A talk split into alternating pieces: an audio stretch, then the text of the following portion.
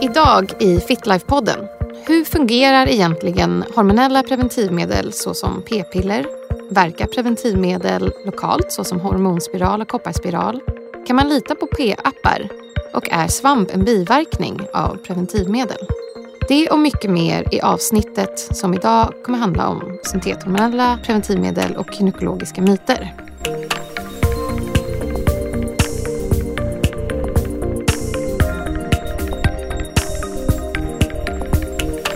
Välkomna till Fitlife-podden.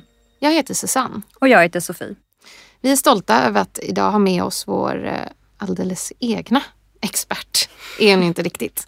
Vi delar henne gladeligen med hela världen. Jenny Kos.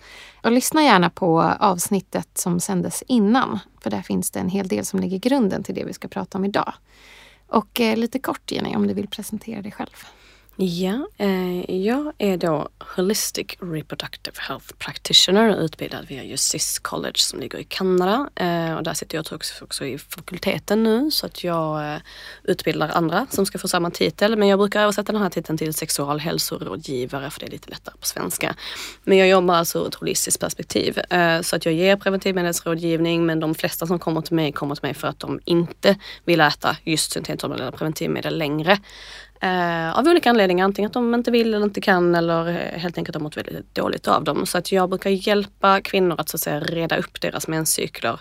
Ibland i en läkningsprocess efter användning av de här medlen. Eh, så att jag har spenderat väldigt många år med att eh, sitta och granska och jämföra och läsa studier och så.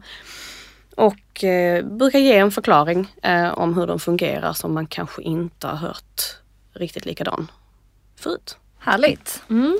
Och eh, ska vi hoppa rätt på sak egentligen? Hormonella preventivmedel. Mm. Eh, jag ska nämna för det första att hormoner är alltså någonting som vi allihopa har och det är vad som gör oss levande. Eh, involverat i precis alla funktioner i kroppen. Eh, så att det är lite så här missledande det som vi pratar om idag. Ibland så säger man så här, ja men när man har PMS, ja, men det är bara mina hormoner. Nej, det är, det är dina hormoner i obalans som innebär PMS. Eh, och vi har ju inte bara hormoner i relation till när vi har mens eller när vi har PMS eller någonting sånt, utan det här är någonting som sker hela tiden. Och anledningen till att vi säger syntethormoner, det är egentligen en lite konstig term. Det är, det är svårt att säga. På engelska hade jag uttryckt det så här, contraceptive endocrine disruptors. CEDs. Alltså för att när vi pratar om syntethormoner då, alltså inte det kroppsegna östradiolet, progesteronet, det som vi har nämnt i den förra podden. Eh, utan vi pratar om levonorgestrel, etonorgestrel, drospirenon, eh, dionogest, alla de här andra. Eh, som är då så att säga laboratorieskapade eh, hormonliknande molekyler. Så de är inte kroppsegna hormoner, de är inte likadana, de kommer aldrig bli likadana, de gör heller inte riktigt samma sak i kroppen. Men anledningen till att man har dem i preventivmedel är för att så att säga stoppa in en nyckel i nyckelhålet så att ändå kroppens receptorer svarar på de här molekylerna och därför så får du en respons då. Och när det gäller den här typen av preventivmedel så handlar det alltså om att stänga ner fertiliteten. Det är också väldigt märkligt att prata om hormonfria preventivmedel för att vi är inte hormonfria och det finns ingenting med till exempel fertilitetsförståelse som vi har pratat om i tidigare poddavsnitt som är hormonfritt utan det handlar snarare om att du faktiskt eh, som eh, gröna barnmorskan Birgit Linderoth brukar uttrycka det, surfar på dina egna hormonvågor. Medan de här hormonerna som vi kommer att prata om idag egentligen inte är hormoner. I vissa delar av litteraturen så kallas de för artimones istället för hormones och, och så vidare. Men de har ju alltså då ett namn eh, utefter alltså sin konstruktion och då levonorgestrel ser ut på ett sätt molekylärt. Eh, Drospirenon ser ut på ett annat och de har liksom lite då olika biverkningsprofil. så att säga. Och det är ju också därför som du blir hänvisad till en ny sorts p-piller ifall ett inte funkar för dig. För att de har alltså lite olika funktion beroende på vilka av de här hormonvarianterna som finns i. Men vad medlen försöker göra är ju att efterlikna eh, de två kvinnliga könshormonerna östrogen och progesteron, eller östradiol egentligen. Och det, det, gör de ju inte fullt ut så att säga, så de är inte bioidentiska. Eh, och det finns idag några p-piller som har eh, till exempel bioidentiskt östrogen, men inte bioidentiskt utan har du alltså syntetiskt progestin som det då kallas. Eh, så att när jag säger estrin och progestin, då menar jag de här alltså fake-varianterna så att säga av hormoner. Säger jag östrogen och progesteron så menar jag de verkliga kroppsegna endogena hormonerna ganska mycket så kommer jag prata om liksom p-piller, eh, hormonspiral, eh, p-stav och så i samma eh, klump. Och ibland så mm. kommer vi differentiera lite eftersom de har lite olika sammansättning och distributionssätt. Mm. Men är grunden för alla hormonella syntethormonella preventivmedel samma sak? Alltså hur de opererar så att säga för att ta bort ägglossningen eller Ja precis, alltså de, de opererar på det sättet att de syftar till att helt enkelt stänga ner ägglossning och det här är någonting man gör från hjärnan. Som vi har lärt oss i det förra poddavsnittet så är det så att ägglossningen styrs från hjärnan. Så att du kan aldrig stänga av ägglossningen lokalt. Och det här gäller ju främst då p-piller, p-ring, alltså de som har både östrogen och progesteron. Men även minipiller som bara har gestagen eller p-stav. Alla de som stänger ner ägglossningen eh, jobbar liksom på en hel kroppsfront eh, så att säga. Sen så finns det då de som hävdar att till exempel hormonspiralen har en lokal verkan och ja, den har en delvis lokal verkan för att det även fungerar på vävnaderna som den ligger nära. Men kan du bli av med ägglossningen och blödningen helt och hållet på hormonspiral, vilket väldigt många blir och det säger också Mirena själva liksom att det upp till 85 procent kan bli av med ägglossningen. Då har du en helkroppseffekt eftersom den styrs från hjärnan. Så att hormoner färdas i blodet, that's what they do. Och därför så kan du aldrig hävda att någonting som gäller fertilitet är lokalt. Och hur, vad krävs för att faktiskt slå ut hjärnans kommunikation med Alltså, livmodern eller äggstockarna eller vad man säger. Alltså man brukar ju prata om att det är väldigt låga nivåer i hormonella preventivmedel. Ja, det, det är ju ett roligt tema tycker jag. för jag blir alltid lite provocerad när jag hör det.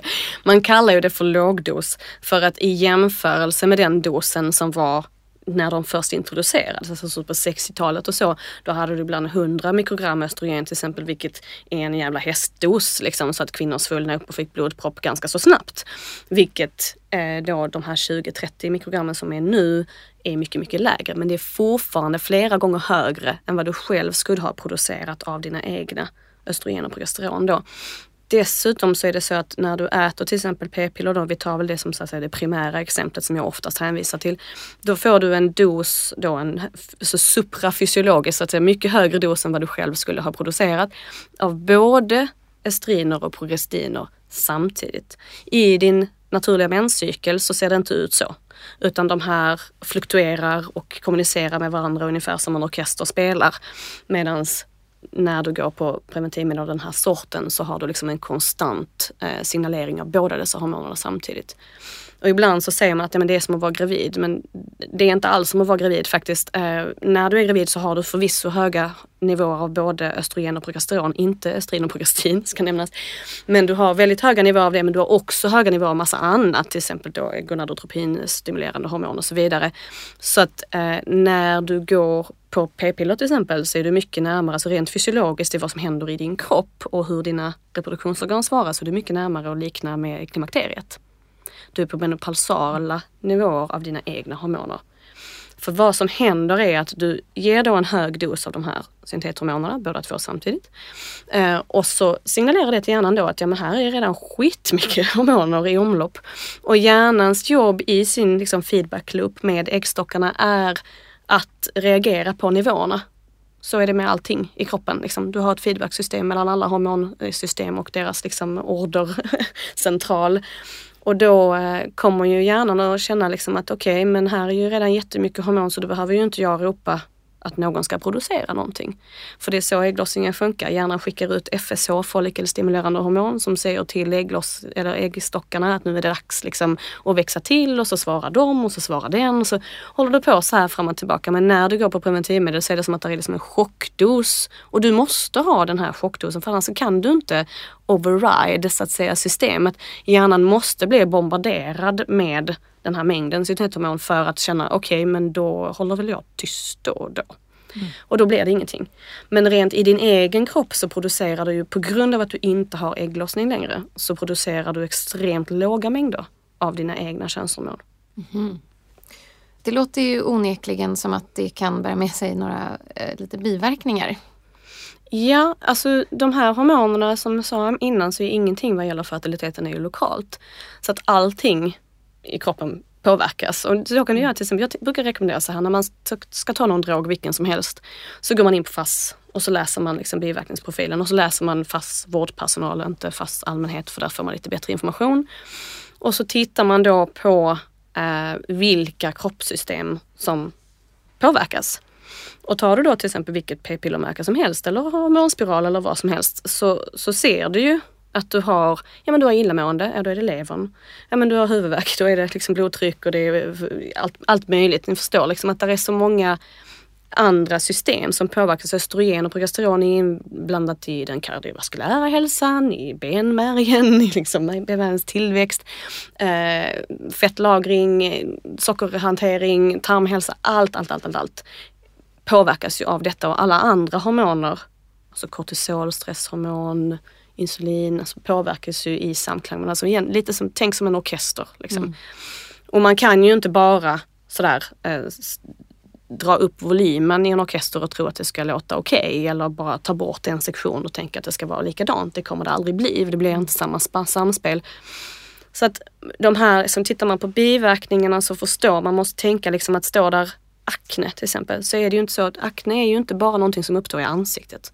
Alltså det har ju skett förändringar innan dess att du får en finne som har lett till det faktumet. Akne består, har ju oftast att göra med att man har en konversion till androgener, alltså till testosteron och dihydrotestosteron. Eh, eller om du tittar på depression, till exempel när det står nedstämdhet. Ja, men vad har förändrats i signalsubstanserna i kommunikationen mellan serotonin, tryptofan och så vidare innan du faktiskt har en klinisk depression. Så att, jag tror vi måste komma bort lite. Vi är ju, vi är ju lärda liksom, i det här systemet som vi är uppväxta i och den vården som vi har haft eh, liksom, och den utbildningen vi har fått. Så har vi fått lära oss att liksom, symptom är någonting man bara kan ta bort och trycka ner och de, de bara uppstår. Men jag bara har det här. Mm. Ja, men det här är ju det är en helkroppsbusiness. Det är inte bara någonting du har utan självklart så kommer det påverka allting. Mm.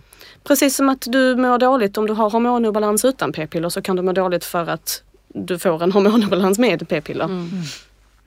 Men hur många är det som, som känner av biverkningar av de här preventivmedlen? Hur många? Det är ju väldigt svårt att säga med tanke på att mörkertalet är enormt. Det är ju väldigt många som upplever biverkningar när de går på dem, mm. men de blir inte anmälda. Och det ska man ju komma ihåg att man kan faktiskt anmäla det själv och man bör anmäla det till sin förskrivande barnmorska eller sin läkare. Så att det kommer in. För att jag menar, om ingen anmäler så finns det ju inte i statistiken heller och då får vi höra att ja, men en av tio kan drabbas av huvudvärk när det kanske är väldigt många fler. Så det brukar säga mörkertalet är ju enormt för det första. Och sen är det också många som upplever att de förstår inte vilka biverkningar de har haft förrän efter de har slutat. Mm. Så när de slutar på p-piller då bara oj, nu gick ju livet från svartvitt till färg. Det var min upplevelse när jag, jag gick på dem som tonåring. Och det är ju därför jag sitter här idag. För att mm.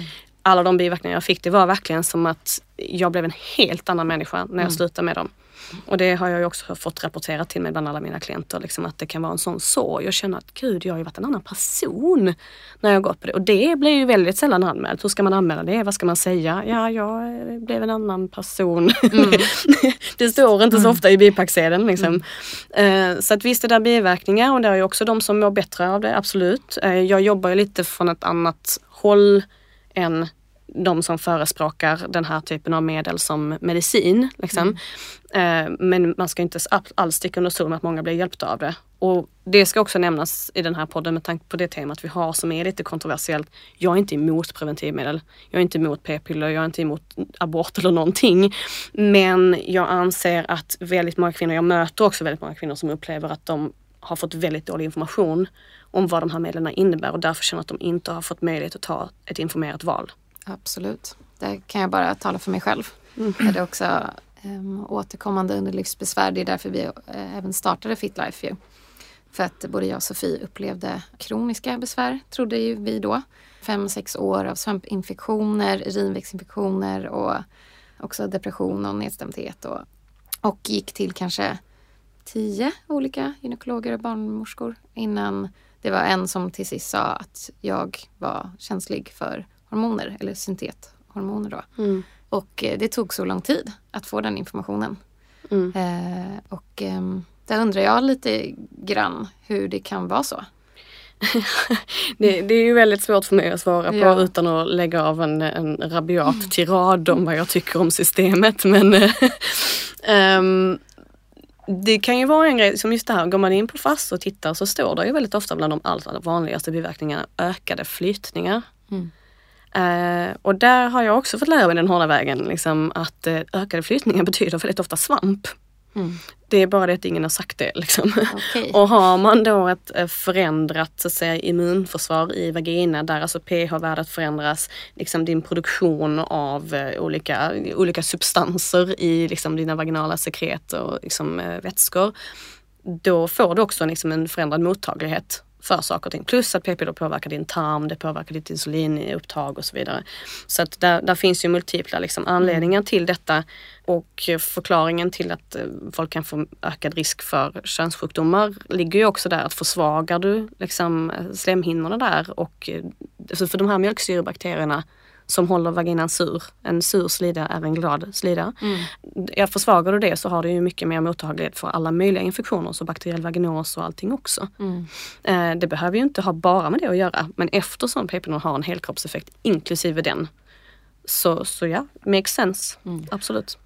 Jag kan bara instämma där. Jag, jag blev själv väldigt förvånad eller chockad. För mig var det inte länge sedan som jag gick in just på fass.se och läste om biverkningar på de p-pillerna jag åt. Och där stod det inte bara ökade flytningar som biverkningar. Där hade de faktiskt skrivit Mm. liksom, eh, svamp Och så uppfriskande.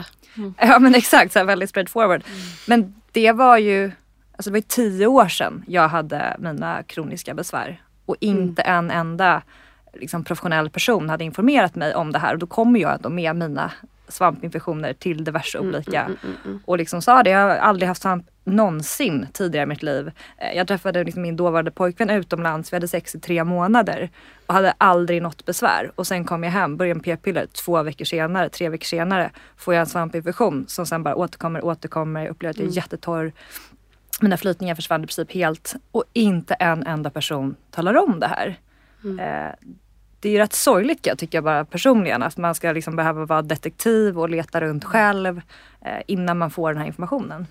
Ja, jag tror nästan jag har kommit över lite den där känslan av att det är sorgligt. Alltså jag vet att många upplever den för jag träffar dem varje dag liksom, och folk är liksom såhär, men varför har ingen sagt det här? Varför? Jag liksom, nej men du kan faktiskt inte förvänta dig att någon ska säga det till dig. Alltså jag är ledsen och där, där kan man ju bli hur konspirationsteoretisk man vill liksom, och bitter faktiskt eh, på liksom, sakernas tillstånd. Men, men så är det. Du måste kunna saker själv. Du måste kolla upp saker själv. För att där är ingen som varken har tid och ibland inte ens kompetens faktiskt att ge dig den informationen. För att alltså, ta många barnmorskor, deras arbetssituation ser ut som den gör. De har inte mycket tid med dig.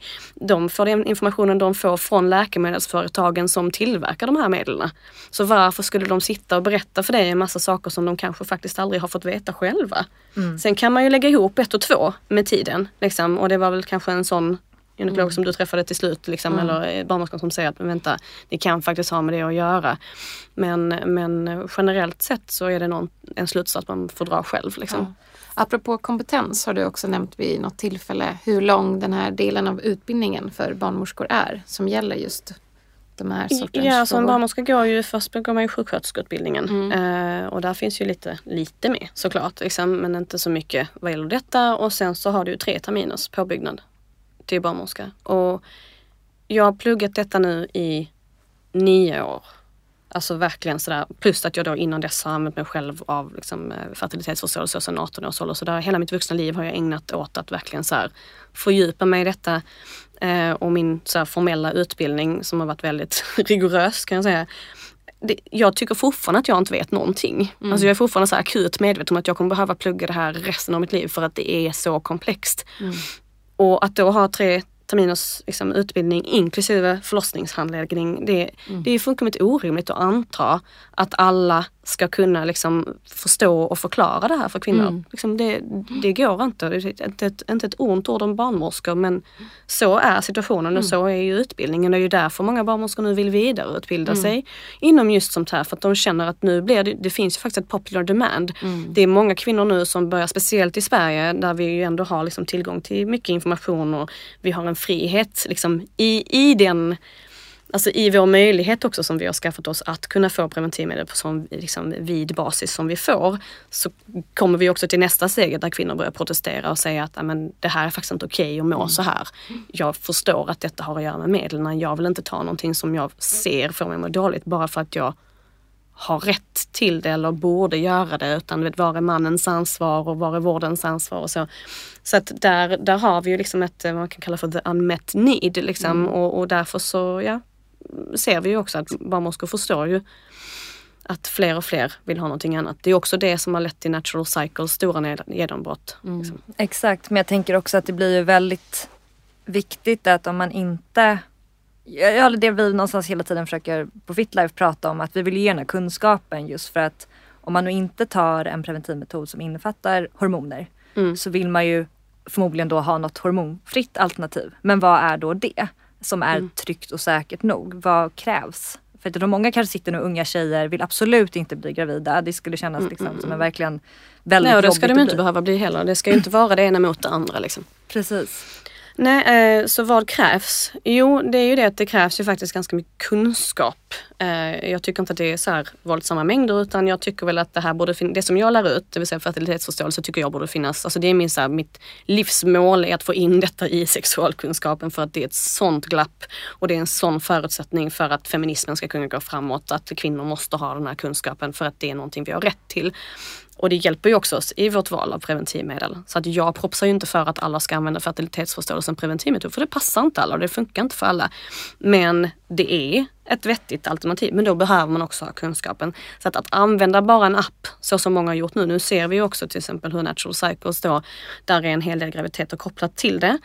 Uh, och en del av dem eh, ska ju faktiskt sägas har, har inte med appen att göra för att det är kvinnor som har legat på dagar där de inte skulle. Men sjukhuset har ändå rapporterat in det som att det är metodfel. Det är ju inte metodfel om du inte följer metoden. Så att om du ligger på en röd dag enligt Natural Cycles så är det faktiskt inte Natural Cycles fel att du blir gravid. Men där är också en del graviditeter som har att göra med att eh, cykeln är ju inte statisk så att säga eh, och den mäter ju Natural Cycles appen bygger ju sin algoritm på tempmätningar och det räcker inte för att bedöma fertilitet, alltså bara gissa hur det kommer att bli baserat på hur det var förra cykeln. Så att om cykeln fluktuerar, vilket den gör hos alla, men mer eller mindre kommer en ägglossning tidigare än beräknat så kan inte appen förutse det och då blir kvinnor gravida i det fallet. Hade alla de här kvinnorna haft fertilitetsförståelse, det vill säga haft kunskap om att kunna bedöma när de är fertila baserat på deras fertila sekret, då hade de kunnat använda Natural Cycles eller någon annan liknande app med mycket större effektivitet och behållning. För att de hade kunnat se att okej, okay, jag har de här fertila tecknen och appen bekräftar det. Då mm. har du ju den här egenmakten att faktiskt så ja men okej, nu använder jag mig av den här metoden. Och det går att göra det väldigt säkert. Men har du en app som enbart baserar sig på temperatur så ja, då har du ju missat det faktiskt det primära tecknet på fertilitet och det är så sorgligt. Nu har vi fått en sån här mensrevolution mm. där kvinnor pratar väldigt mycket om menstruationen och det är inte så tabubelagt och så. Det händer ju främst i länder som Sverige. Mm. Där finns ju många länder som inte har den revolutionen ännu så att säga. Men efter det så kommer det komma den vita vätskans revolution. Det vill säga mm. att cervixsekretet kommer att bli någonting som gemena kvinnor ska känna till. Mm. Och man hoppas vi. Ja, det också. ja men verkligen. Alltså, jag vet ju, som du var inne på förra avsnittet, att det är ju många tjejer som, jag har ju hört saker som att men äckligt, jag har så mycket flytningar och, och sådär. Men som du var inne på förra gången att herregud, det är ju ett tecken på att du förmodligen är fertil. Det är ju, du ska ha fluktuationer, det ska variera och det är liksom mm. ett hälsosamt tecken om det är i rätt mm. mängd. Så att säga. Precis, och inte ser ut som keso eller luktar fisk. Mm. Vi är så glada och tacksamma över att vi den här veckan har en sponsor med oss som möjliggör att vi kan spela in den här podden. Den här veckan är vi återigen sponsrade av Ellen. Ellen gör probiotiska produkter som är bra för ditt underliv. Deras produkter kan bidra till att återställa den naturliga pH-balansen i underlivet. Och som vi kommer få lära oss under våra poddar så har vi en massa bakterier i kroppen och de skapar både hälsa och ohälsa när de är ur balans.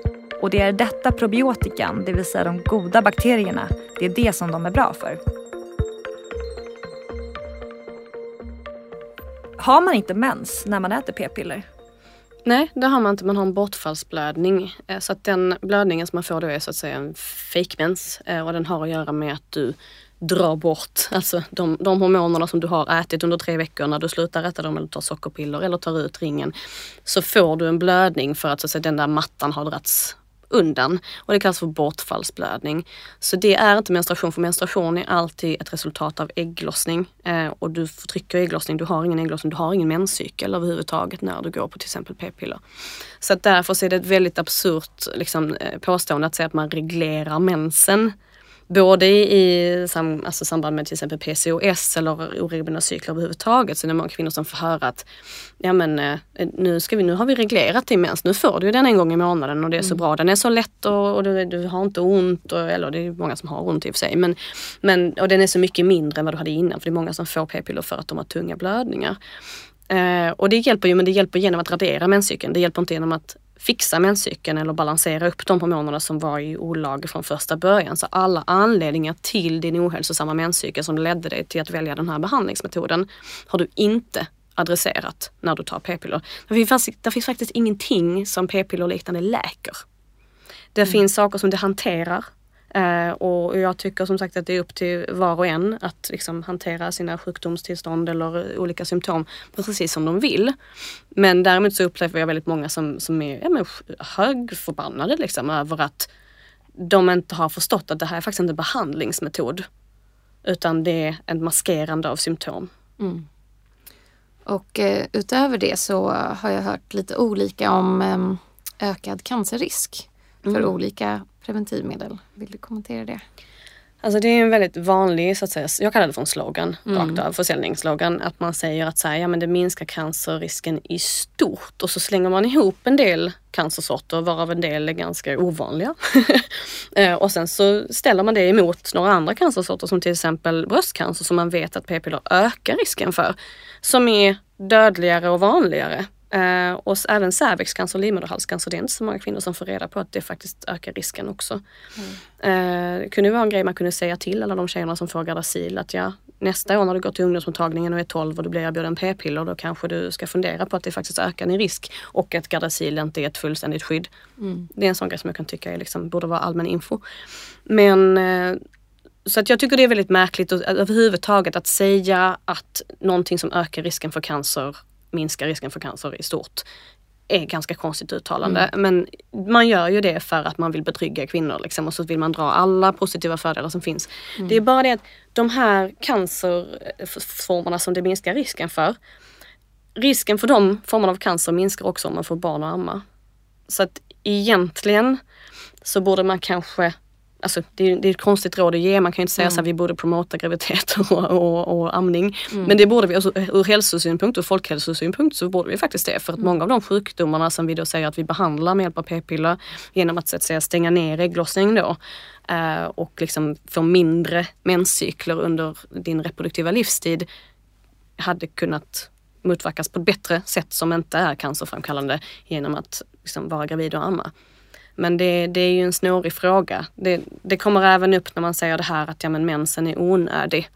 För då pratar man också om att för det första så tar man sjukliga cykler till att börja med. Mm. Och så säger man att kvinnor har så mycket problem och vi, det blöds för mycket och kvinnor får järnbrist och de har mensvärk och det är liksom jobbigt. Och det första jag tänker är, ja men hjälp dem med det då. Mm. Hjälp dem med det. Varför har de ont? Varför blöder de för mycket? Har de mm. sköldkörtelproblem? Har de järnbrist? Har de myom? Har de, vad är det de har liksom? Varför blöder de för mycket? Mm. För att det här är ju inte, det är inte så det ska vara. Det vore ju ganska konstigt om det var liksom vårt eh, öde som kvinnor att vi skulle förblöda varenda menstruation med tanke på att menstruationen är vad som gör att mm. mänskligheten lever vidare. Eller ägglossningen rättare sagt, men menstruationen som ett resultat av det. Så det vore lite märkligt av Gud så att säga om vi skulle bli lite religiösa om mm. han hade tyckt att liksom kvinnor ska bara så gå på knäna och bli helt förstörda varje, varje cykel. Det är, inte, det är liksom ett ganska orimligt antagande. Men i alla fall så man utgår från det och så säger man så här att ja men liksom, eftersom vi nu menstruerar mycket mer under vår livstid eftersom vi skaffar färre barn. Vi skaffar dem eh, senare i livet, vi ammar dem kortare. Och ur folkhälsosynpunkt så borde vi faktiskt amma längre. Liksom, vi borde kanske ha några graviditeter till. Inte för många och inte om vi inte orkar med för det är också ett väldigt dyrt biologiskt eh, projekt att vara gravid. Liksom. Så att du måste ju vara robust nog för att klara det till att börja med. Men om vi ska jämföra då stenåldersmänniskor med nu och varför vi menstruerar mer så eh, är det ju kanske egentligen det man borde satsa på, man borde promota liksom, och säga till kvinnor att nej men du ska inte vänta tills du är 35. För det första blir det mycket svårare. Det har man ju fått lära sig den hårda vägen. Liksom. Jag pratar med väldigt många sådana kvinnor i veckan mm. som är väldigt förbannade över att ingen berättade för dem att det skulle bli så pass mycket svårare som det blev när man har gått på p-piller som man var 15 och sen så slutar man 30 liksom.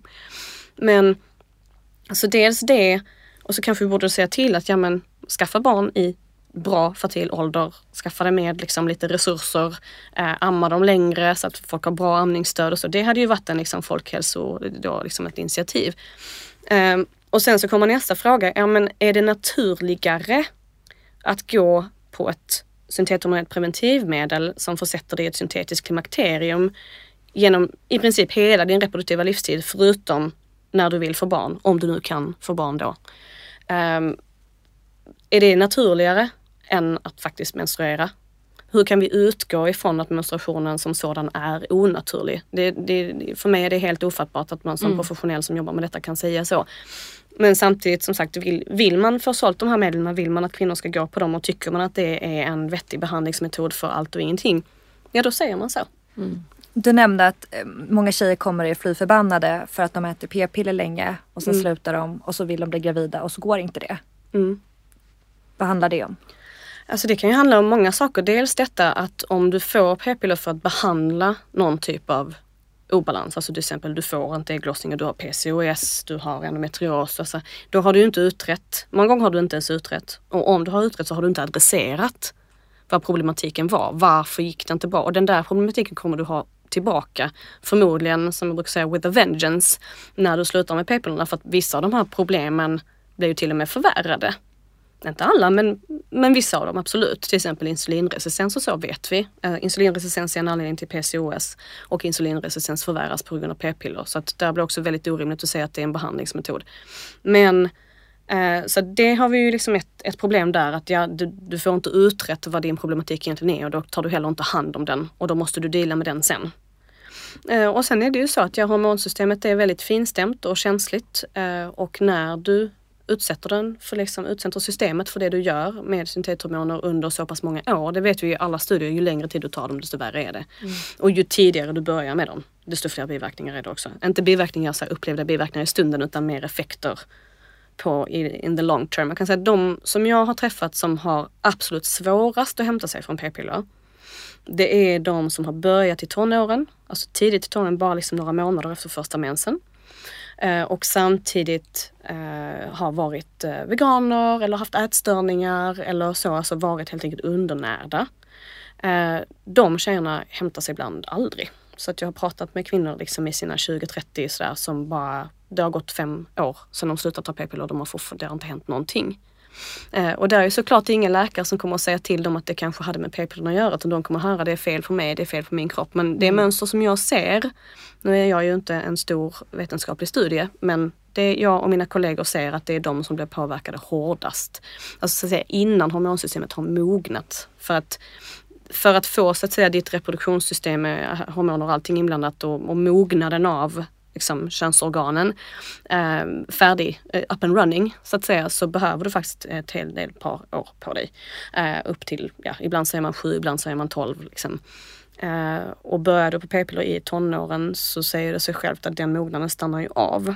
Vissa forskare som typ eh, Erik Odeblad som är världens främsta sekretforskare och har forskat extremt mycket på allt som har med cervix att göra. Han säger det att både vagina eh, och livmoder går i atrofi. Alltså blir kortare och eh, utvecklas inte som den ska. Mm.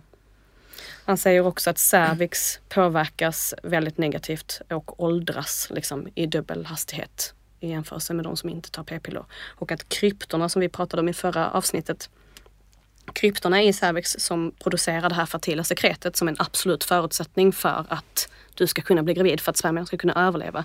De eh, blir förstörda inte helt och hållet, men mm. tydligt försämrade. Så där finns det ju studier där han har liksom visat på hur de här kryptorna blir skadade för livet av användning av p-piller. Medans tvärtom, om du blir gravid så genomgår cervix en föryngringsprocess. Mm. Så att du får förbättrad funktion, liksom förbättrad fertilitet av att ha varit gravid.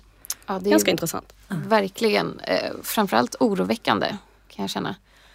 När man får eh, träffa unga som eh, försöker hitta eh, preventivmedel som passar dem eh, Mm. och bara får höra att det är hormon eh, preventivmedel, syntenhormonella, som finns i princip. Mm. Vi träffade en häromdagen som hade bett att få byta för att hon hade mått dåligt av Mm.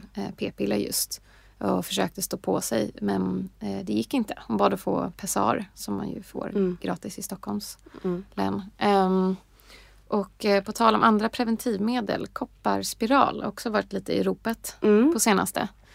Vill du kommentera det? Hur fungerar, agerar den? Så kopparspiralen sitter ju då, precis som hormonspiralen, så är det ju då som en T-formad litet eh, implantat kan man säga. Och så sitter det då i livmodern och så har du de här koppartrådarna som är snurrade runt. Och tanken med kopparn är att det, för, det förändrar ju miljön i livmodern och koppar är ju en giftig metall.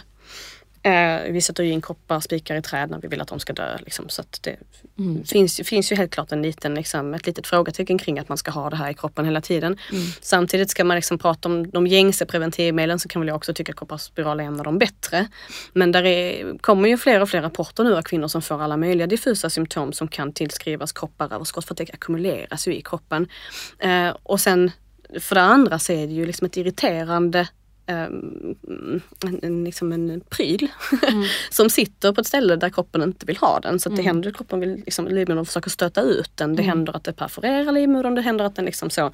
Eh, kroppen vill helt enkelt inte ha det här där. Så att det ökar ju inflammation. Alltså den kroniska inflammationen, även om den är låggradig, är ju ändå ett faktum i, i liksom processen och det är ju en av anledningarna till att den funkar. Mm. Eh, Så tanken är helt enkelt att spermier inte ska kunna överleva i livmodern eh, eller alternativt att ägget inte ska kunna överleva och implantera. Mm. Eh, Så att jag vet att i vissa kretsar, till exempel religiösa kretsar och så, så pratar man om att det egentligen är som ett abortmedel. Mhm. Man kan ju också använda det som ett akut eh, liksom preventivmedel, sätta in den efter ett oskyddat samlag. Eh, så att man vet att det faktiskt kan ha ihjäl embryot också. Är man då riktigt hardcore och tycker att att så att säga kontraception är någonting ont. Att man inte vill liksom att det ska vara en abortmetod så vet man ju faktiskt inte riktigt hur kopparspiralen, hur många gånger den förhindrar det ena respektive det andra. Så det vet jag att det är en diskussion i katolska cirklar till exempel. Och så. så att det är lite dubbel, liksom, ja, i dubbelmärke. Jag kan både tycka att det är ur hormonell synpunkt bättre än att ta syntethormoner i min egen, liksom, det beror på vad man vill behandla och vad man tycker. Liksom. Men, men samtidigt så är det ju så att kopparn i sig har ett samband med östrogen eh, och östrogen och progesteron har ju ett motsatsförhållande. Koppar och zink har ett motsatsförhållande. Så det första jag brukar säga är, har du kopparspiral, ät mer zink. Då har jag kanske en dum fråga. Själva spiralen, själva saken i sig så att säga. Mm. Det är inte så att den, alltså rent fysiskt, tar död på spermier eller ägget eller så. N- Nej, utan det är miljön liksom som kopparionerna liksom. Alltså det, det påverkar själva vätskorna där inne så att säga. Eh, så ja, det är väl möjligt att den är i vägen för spermier är ganska små. Jag tror de kan simma runt faktiskt. Pessar, vill du berätta lite kort vad det är för de som inte vet? Mm. Och så pessar är ju eh, som du sätter in, alltså det är en barriärmetod helt enkelt. Och du sätter in, det finns olika typer av pessar. Det finns slidpessar och det finns cervixpessar. Men tanken är helt enkelt att de täcker öppningen till cervix och de ska användas tillsammans med spermiedödande medel. Förut så användes de med spermiedödande medel som var katastrof. Alltså alla spermiedödande medel innan innehöll eh, nonoxynol 9 som är liksom som ett insektsmedel ungefär. Eh, och det, är typ, det är ju borttaget nu i alla fall från svenska marknaden. Dock inte från alla andra marknader. Det var någon som frågade mig på min sida för ett tag sedan ifall eh, p-svampen var okej. Och då var den dränkt i det medlet. Så jag bara, för i helvete, så nej du ska inte använda det. Men eh, de moderna pessaren kommer i en kräm som heter antingen då Contragel eller Kajakräm och så. Och de innehåller mjölksyrabakterier. Så det är det här som vi pratade om i förra avsnittet, att de är alltså försurande Ja. i, eh, i själva vagina. Och nu ska vi inte blanda ihop det här med försurning som det här syra-basbalansen som så många hälsomedvetare pratar om. Utan Nej. när vi pratar om vagina så vill den vara sur. okej? Mm. Och den är sur för att då släpps inte sjukdomar och spermier in. Eh, jag skulle säga Birgit Linderoth, den gröna marmorskan, är ju liksom experten på pessar i Sverige och den som distribuerar mycket och informerar väldigt många om detta. Jag har själv ett, eh, ett pessar hemma, Mm. cervixpessar, som jag dock inte använder så mycket för att jag, jag vet när jag kan och inte kan så att jag behöver inte. Nej. Det är ganska sällan jag har sex under mina fertila perioder. Men det finns där som backup liksom, Mm. ifall jag skulle behöva. Och eh, många gånger, alltså just ur min utbildning så brukar jag rekommendera att har man inget liksom, annat preventivmedel, man har sina naturliga cykler, man har fertila perioder, man har ägglossning, då kan alltså en kombinerad barriärmetoder, alltså både pessar och kondom eller både kondom och avbrutet. Alltså så att man verkligen Mm. så här dubbelverkar för att det är viktigt att komma ihåg att barriärmetoder som pessar och kondom då har du kondomen, vad brukar man hävda, 97 procent, något i den stilen på säkerhet. Mm. Och det är ju testat under hela cykler. Det är bara att kvinnor är ju inte fertila under hela menscykeln. Utan kvinnor är fertila under en ganska specifik period. Det är när hon har fertilsekret och när det är nära ägglossning och några dagar därefter. Mm. Så att eh, testar du kondomer under enbart de dagarna, vilket inte är gjort, då hade du fått en väldigt mycket lägre effektivitet. Mhm. Du hade fått någon som kanske liknar 60 eller så. Jag har själv blivit gravid en gång med en avhalkad kondom som jag var dum nog att använda under min fertila period. Och jag vet att jag inte borde göra det. Jag vet att är det någon gång man blir gravid med en läckande eller brusten kondom, då är det ju när man är fertil. Liksom. Så, det, så jag skulle personligen inte lita på det. Nu gjorde jag det en gång och det fick jag betala för dyrt. Liksom. Så att eh, kondomer under den fertila perioden har mycket lägre liksom, effektivitet än vad det anges. För att använder du en kondom, alltså det ska du ju göra för att skydda dig mot sjukdomar. Liksom. Men använder du den i perioder där du faktiskt inte kan bli gravid, ja men då kommer du inte heller bli det.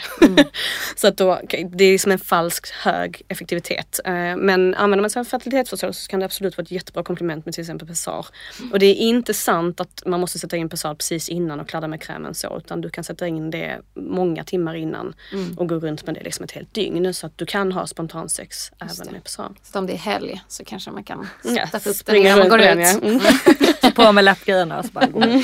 Men hur eh, kan man sätta in den eh, också i direkt alltså, när Ja, ja, ja visst kan man det. Mm. Ja, absolut, men man får sätta på krämen också. Det är det som är viktigt, att man förnyar krämen innan man har själva samlaget. Mm. Och sen ska det vara inne ett tag efter, så du ska ju inte ta ut den direkt medan satsen fortfarande är kvar, utan du ska vänta sex timmar.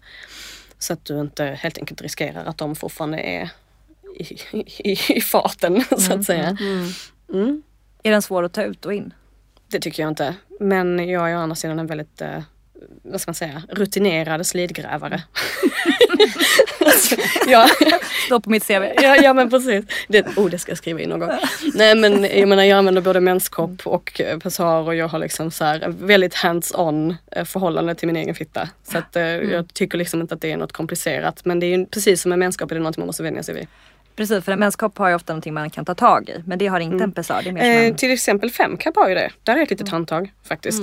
Men sen så har du till exempel kaja, det finns ju slidpessar som är mer som ett litet segel som går mer över både slidvägg och så. Så det, det är lite olika beroende på. Men, men gå till någon som har kunskap. För det finns ju en del barnmorskor som faktiskt kan prova ut dem, är viktigt.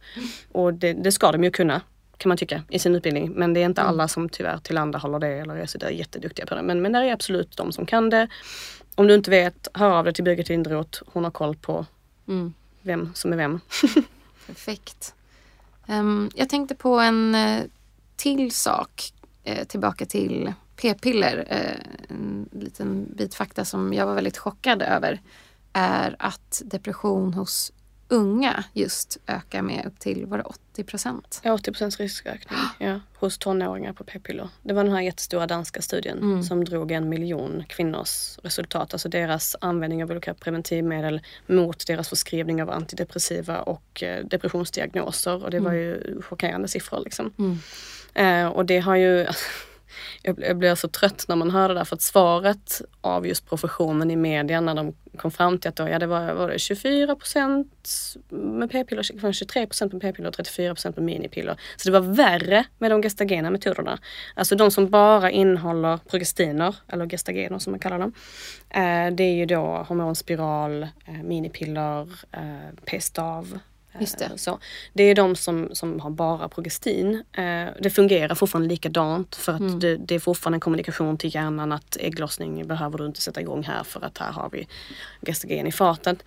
Eh, men det var ju faktiskt värre eh, vad det gäller depression och det var de lite förvånade över de här forskarna för att man anser ju att så här, ja, men det är så låg dos i dem för att de inte, det är inte som p-pillerna. För p-pillerna måste du ha en större dos eftersom det går via matsmältningen. Mm. Medan de som går direkt ut i blodströmmen eh, Eh, kan du ha lite lägre dos. Men du måste fortfarande ha en suprafysiologisk dos som vi pratade om innan. Men, men, eh, men den kan vara lägre. Och de var lite förvånade att se att de som hade lägre nivå som man säger ändå hade högre riskökning för just, eh, mm. för just depression. Men då var det i alla fall eh, läkare som gick ut i media och sa att ja men den här jättehöga riskökningen vad det gällde då tonåringar på p-piller, men det är ju bara för att de är hjärtekrossade. Det är ju bara för att vet, det är jobbigt när man är ung och ska börja ha sex och du vet män är ju svin och det är, det är jobbigt liksom. Eh, och det är därför de har den här enorma riskökningen vilket jag tycker är så fruktansvärt. För det första förminskande och mm. misogynt och inte okay. så schysst mot män heller. Och anta att så här, de krossar massa unga flickors hjärtan på löpande män. Vad det är för jävla antagande liksom. Mm. Men, men också att, att bara dismissa helt och hållet ett sånt fynd när det gäller, så det gäller en miljon mm. kvinnor. Det är liksom inte en liten studie. Men ja, såklart så vill ju de som förespråkar p-piller, de som är betalda av den industrin vill ju väldigt gärna bryta ner de här studierna och ge alla möjliga alternativa förklaringar till mm. de här ganska tydliga fynden. Mm. Vi får ibland höra att eh, det som är positivt med eh, till exempel p-ring eller eh, hormonspiral är att de verkar lokalt. Hur ställer du till det? Mm, ja, det ska vi ju prata om. Eh, för det första, vi går tillbaka till detta. Hormoner flyter i blodströmmen. That's what they do. Eh, och sen så är det ju så att ägglossningen styrs från hjärnan. Så allting som stänger ner ägglossningen och har förmåga att stänga ner ägglossningen eh, är inte lokalt. Alltså du har ju inte en järnmur runt dina genitalier. Liksom. Eh, det är ju så att blodet går ju runt i hela kroppen. Eh, om du tittar på till exempel hormonspiral som då hävdas vara lokalt eh, så är ju en av de främsta biverkningarna huvudvärk. Och då brukar jag säga, hur ofta har du huvudvärk i livmodern? Just saying!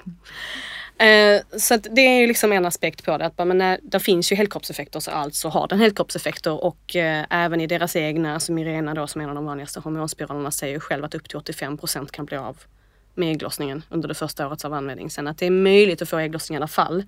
Det är en annan sak. Eh, men blir du helt amenoreisk så har du ingen blödning överhuvudtaget så har du troligen ingen ägglossning heller. Eh, har du däremot en regelbunden blödning, ja då finns det en möjlighet att du har det. Och då har ju hormonspiralen även en lokal effekt på de närliggande vävnaderna. Till exempel cervixsekretet blir då förändrat, blir det här tjocka och livmoderslemhinnan blir förtunnad och så. Så att även om du skulle ha en så skulle du inte kunna fästa. Jag hade en diskussion med barnmorskor i ett forum om detta och så säger en, ja men alltså den, den, den har ju lokal verkan men den har ju biverkningar i hela kroppen. Tänkte jag, ja, alltså då har du ju faktiskt rätt i. Att ja, det är en lokal verkan men, men biverkan. Men så är det ju med alla p-piller. Eller alla liksom sådana preventivmedel och allting som har med detta att göra. Är ju, det är ju absolut, ja, det verkar på en lokal nivå men du kan ju inte säga att det inte är en helkroppseffekt. Absolut inte. Det finns ingen chans. Mm. Eh, och sen har du då p-ring, den, är ju, den ska ju stänga ner ägglossningen. Alltså det är så höga doser av både estrin och progestin så att den ska stänga ner ägglossningen. Så där kan det, det finns ingen, alltså den barnmorska som säger till sin patient att den verkar lokalt tycker jag bara borde, liksom, jag förstår inte hur du har lyckats gå igenom en utbildning. Det går inte. det är fysiologiskt omöjligt. Mm. I'm sorry. Mm. Liksom. Mm.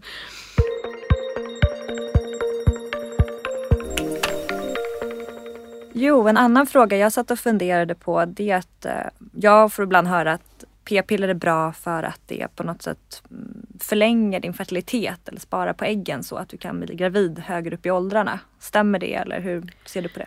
Alltså, det är ju också ett ganska märkligt sätt att formulera det på. Alltså, vad som händer är att du får ju inte ägglossning. Så alltså så ja, kan man väl rent praktiskt säga att det ligger fler ägg kvar för att de inte så att säga go to waste på det sättet som det, för varje ägglossning så mognar du 20 till 40 ägg och så.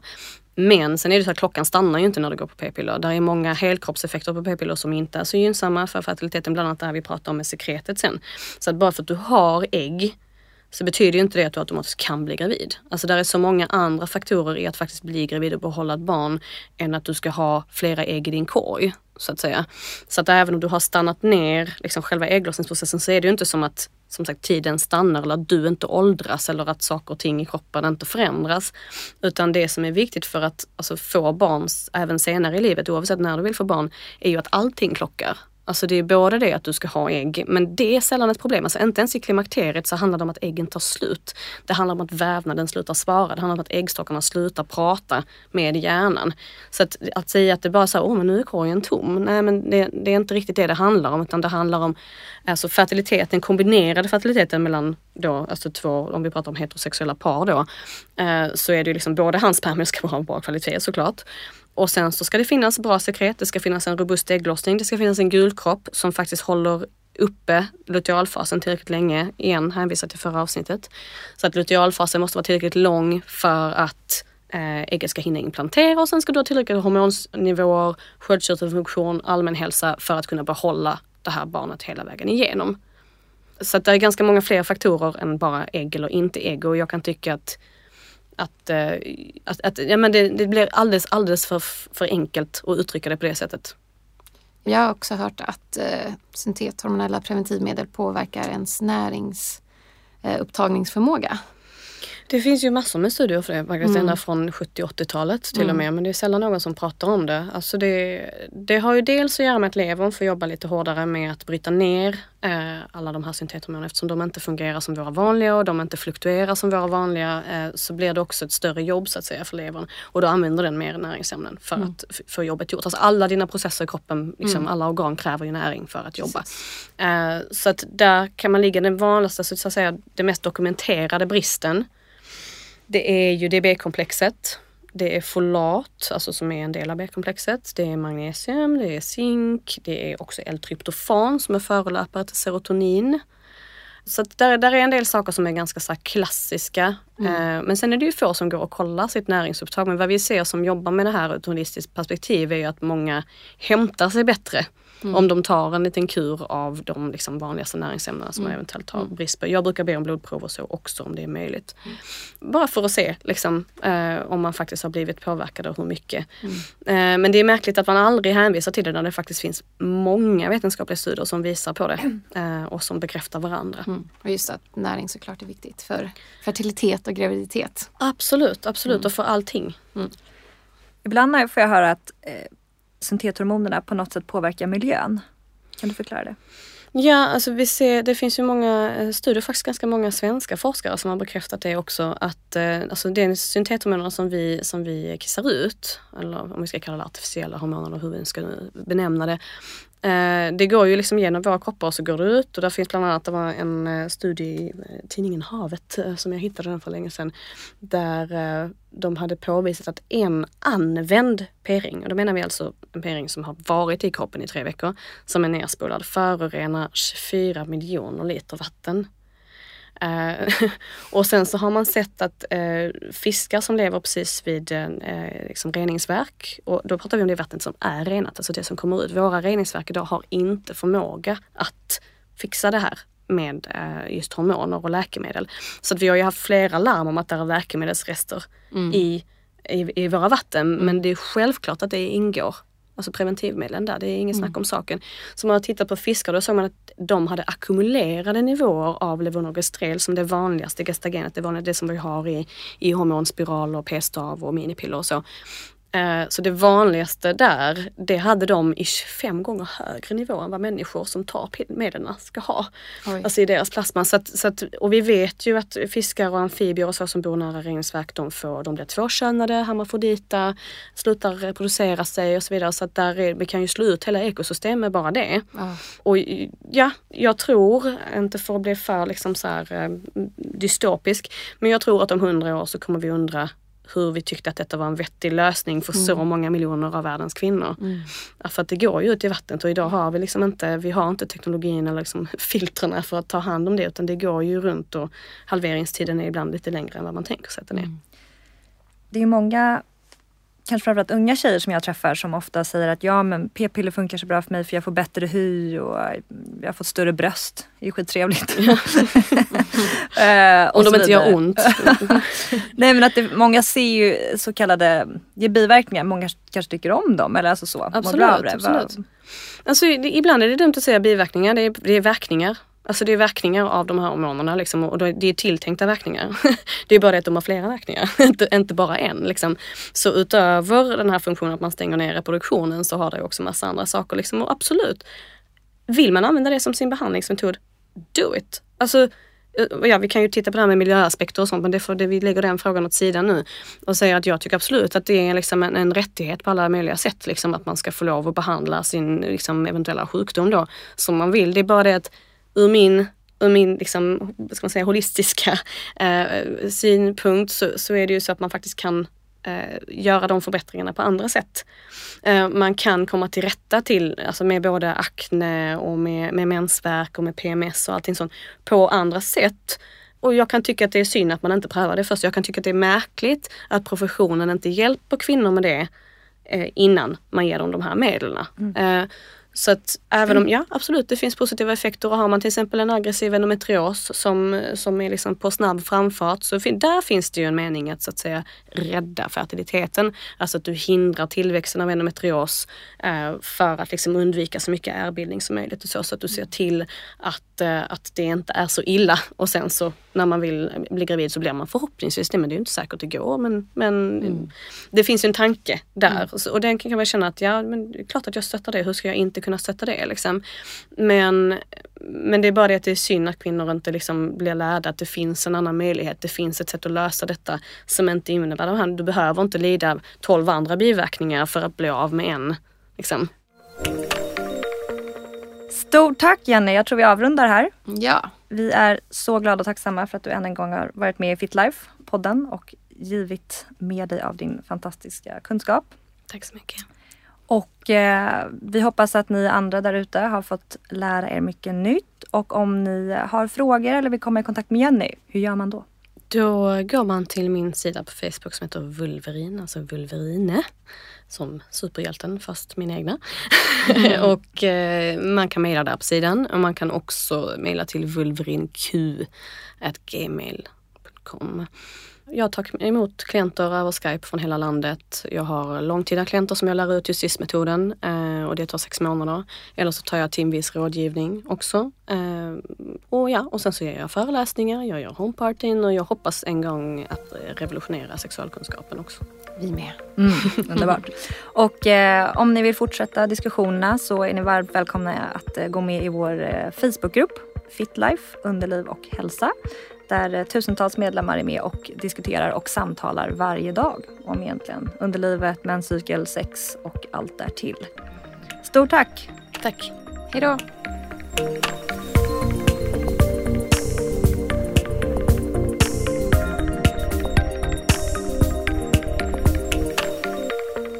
Det här programmet görs på Beppo. Beppo. Beppo. Beppo. Beppo. Beppo.se